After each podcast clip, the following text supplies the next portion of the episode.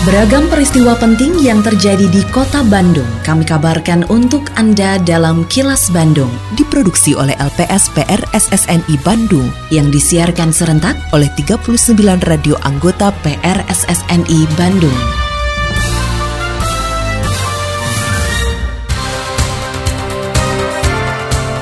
Sejumlah informasi aktual kami hadirkan untuk Anda dan inilah informasi utamanya. Masyarakat harus tingkatkan kewaspadaan di musim hujan. Harga minyak goreng curah naik, belum ada keputusan operasi pasar. Jawa Barat target utama peredaran ganja. Saya Santika Sari Sumantri, inilah kilas Bandung selengkapnya. Dinas Lingkungan Hidup dan Kebersihan atau DLHK Kota Bandung mengaku kebingungan jika operasional tempat pembuangan akhir atau TPA Sarimukti ditutup setiap Sabtu dan Minggu mengikuti keputusan DLHK Provinsi Jawa Barat. Kepala Bidang Kebersihan DLHK Kota Bandung, Sofian Hernadi mengatakan pembuangan sampah dari Kota Bandung sebanyak 253 rit per hari. Sehingga jika dua hari sampah tidak diangkut, maka ada 500 rit lebih sampah tertahan. Apabila kondisi ini terus dibiarkan, Kota Bandung terancam kembali menjadi lautan sampah. Oleh karena itu, untuk mengurangi produksi sampah, DLHK Kota Bandung mengajak masyarakat berupaya mengelola sampah mandiri, termasuk menggagas hari tanpa membuang sampah. Makanya saya ingin mengajak problem teknis ini kan sebenarnya kita bisa membiasakan diri. Selama ini yang saya tahu dari setiap lingkungan itu tidak setiap hari diangkut sampahnya, gitu ya. Ada jadwalnya. Nah kita lagi coba memformulasikan, kita lagi menyiapkan gitu ya, semacam perubahan sistem. Bagaimana kalau Sabtu Minggu kita tidak membuang sampah, hari tidak membuang sampah. Kalau memang dari pihak TPA sudah tidak bisa lagi nih Sabtu Minggu mau di otak atik gimana gitu jalan, itu kan internal di mereka ya. Tapi kita upayakan Sabtu Minggu itu kita masih bisa operasional. Masyarakat Kota Bandung diminta terus meningkatkan kewaspadaan di musim hujan dalam upaya mengantisipasi bencana. Kepala Bidang Penanggulangan pada Dinas Kebakaran dan Penanggulangan Bencana atau Diskar PB Kota Bandung, Dian Rudianto mengatakan, seluruh warga perlu menjaga kebersihan lingkungan. Terlebih mereka yang tinggal di dekat sungai harus bisa mengenali tanda-tanda peningkatan volume air sungai untuk mengantisipasi kejadian bencana sehingga bisa mengurangi dampak kerugian. Menurut Dian, kewaspadaan terhadap bencana harus dibangun oleh seluruh elemen masyarakat. Harapan kami pada warga Bandung agar senantiasa selalu menjaga lingkungannya, lingkungan sekitarnya, jangan membuang sampah sembarangan seperti hal yang begitu. Kemudian apabila sudah terlanjur tinggal di bantaran sungai, lebih meningkatkan kewaspadaannya, Bu. Kalau terjadi hujan, jangan terlalu kalau malam itu terlalu tidur pulas gitu. Seperti hal begitulah. Jadi waspadaannya ditingkatkan. Masyarakatnya sendiri ya bersama-sama karena penanggulangan bencana itu kan urus urusan bersama, bukan hanya pemerintah saja, urusan masyarakat, rekan-rekan media juga, kemudian pengusaha, akademisi. Jadi urusannya urusan bersama. Dinas Pendidikan atau Disdik Kota Bandung rutin memantau kegiatan pembelajaran tatap muka terbatas atau PTMT yang dilakukan oleh sekolah. Kepala Seksi Kelembagaan dan Peserta Didik SD Disdik Kota Bandung, Risman Al-Isnaini mengatakan, selain menerjunkan pengawas, setiap sekolah yang menggelar PTMT juga wajib melaporkan berbagai kegiatannya setiap hari ke Dinas Pendidikan melalui aplikasi yang sudah tersedia. Menurut Risman, secara keseluruhan PTMT di Kota Bandung berjalan lancar meski ditemukan ada yang terpapar COVID-19 dan sudah dilakukan treatment. Ini sudah berjalan dua bulan dan berjalan cukup efektif. Adapun yang sudah dilakukan ada dua kelompok, ada yang PTMT di tahap kelompok satu ada 330 sekolah itu dengan kapasitas siswa 50% dan ada yang kelompok dua ada 1.600 sekolah itu dengan kapasitas 25%. Hampir dievaluasi setiap hari di setiap sekolah itu melaporkan melaporkan laporan harian ke kami melalui sistem jumlah siswa yang hadir, jumlah guru yang hadir, juga jumlah dari PTK yang hadir. Itu di sana dilaporkan juga jika ada yang sakit dan lain sebagainya.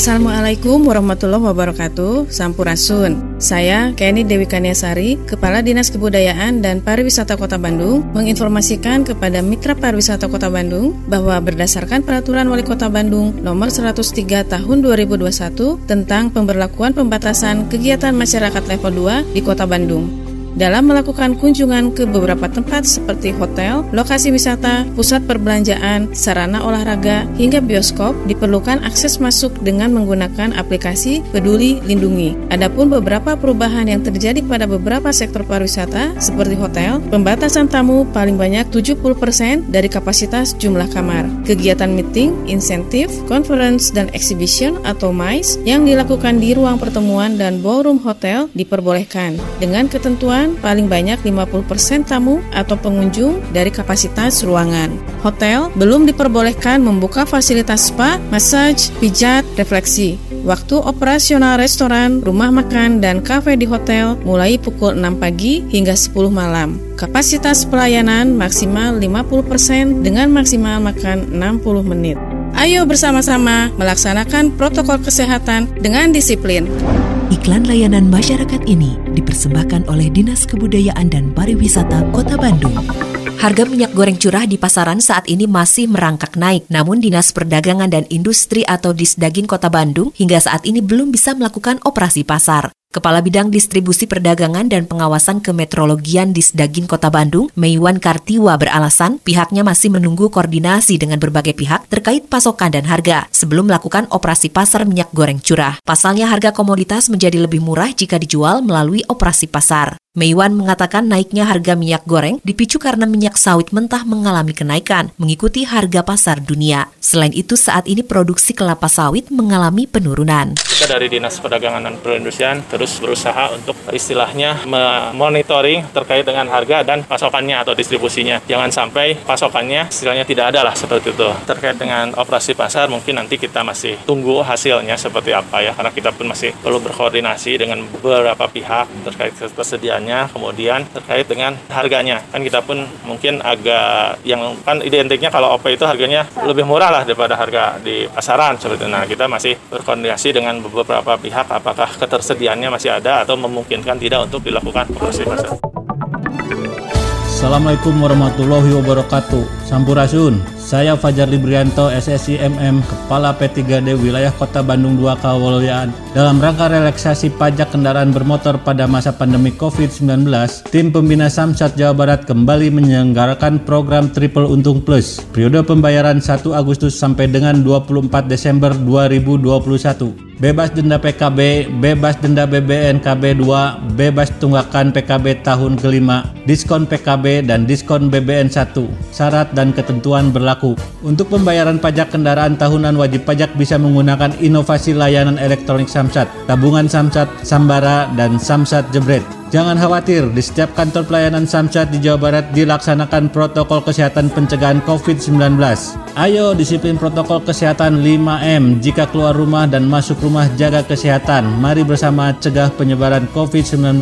Pembiayaan pencegahan penyebaran COVID-19 berasal dari pajak baraya. Hatur nuhun. Wassalamualaikum warahmatullahi wabarakatuh. Untuk lebih lanjut, kunjungi Samsat Kota Bandung 2 Kawaluyaan atau layanan-layanan yang ada di wilayah Kota Bandung 2 Kawaluyaan. Terima kasih. Kini, audio podcast siaran Kilas Bandung dan berbagai informasi menarik lainnya bisa Anda akses di laman kilasbandungnews.com.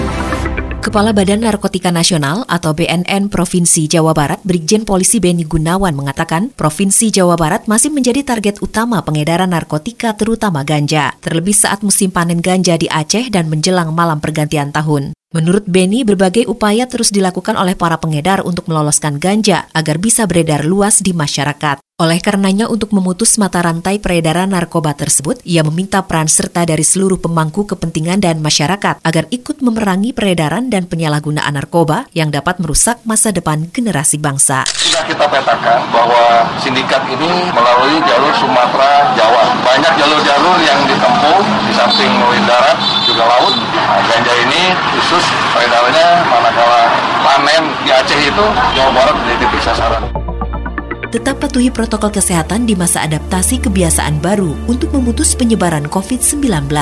Selalu memakai masker, mencuci tangan, menjaga jarak dan menghindari kerumunan, serta mengurangi mobilitas agar terhindar dari terpapar virus corona.